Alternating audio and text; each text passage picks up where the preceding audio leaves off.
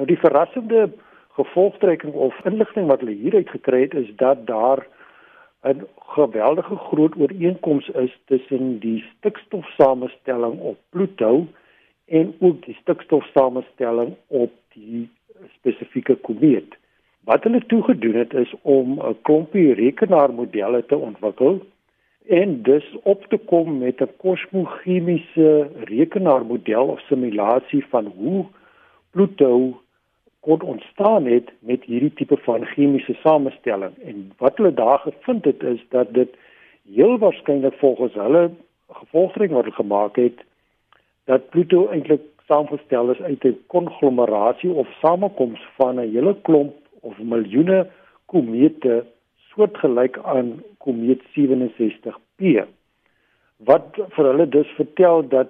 Pluto op 'n heel unieke manier ontstaan het. Wat is jou indrukke of gevolgtrekking? Daar's my nog baie vrae daaromtrent want hulle het net 'n spesifieke gebied op Pluto geneem, 'n gletsergebied wat bekend staan as Sputnik Planitia. Dis hierdie groot hartvormige gladde gebied of 'n uh, uniforme gebied op Pluto wat geen tekens van enige meteoriet impakkraters toon nie wat vir ons op aandui dat dit 'n baie jong gebied eintlik op Pluto self is en dat dit ongeveer nooit nie meer as 100 miljoen jaar oud kon wees nie wat eintlik bitterlik jonk is as 'n mens aanvaar dat Pluto omtrent 4.6 biljoen jaar oud is. En hulle die gevolgtrekking gemaak uit hierdie inligting dat Pluto nou eintlik uit 'n samestelling van 'n klomp komete bestaan neem die studie ons 'n stap vorentoe oor hoe planete kon ontwikkel het. Ek persoonlik dink daar moet nog heelwat meer inligting ingesamel word voordat ons werklik 'n eenduidige afleiding kan maak en tot 'n gevolgtrekking kan kom. Want persoonlik dink ek om 100 miljoen of miljoene van hierdie komete te kry wat dieselfde samestelling het as komeet 67P gaan 'n baie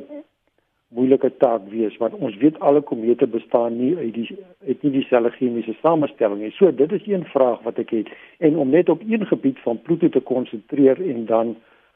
te sê dat dit 'n algemene gevolgtrekking is is vir my ook 'n bietjie ver gesog, maar mens moet aanvaar dat dit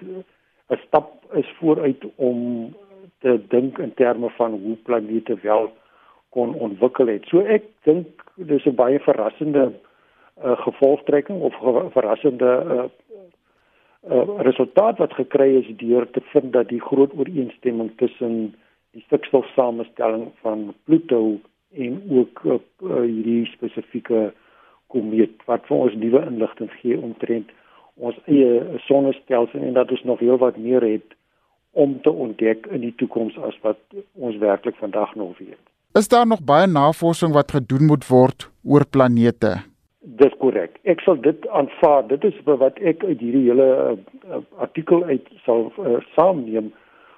is dat dit 'n stap vorentoe is, maar dit is nog nie die finale stap nie. Ons moet nog heelwat meer navorsing doen, heelwat meer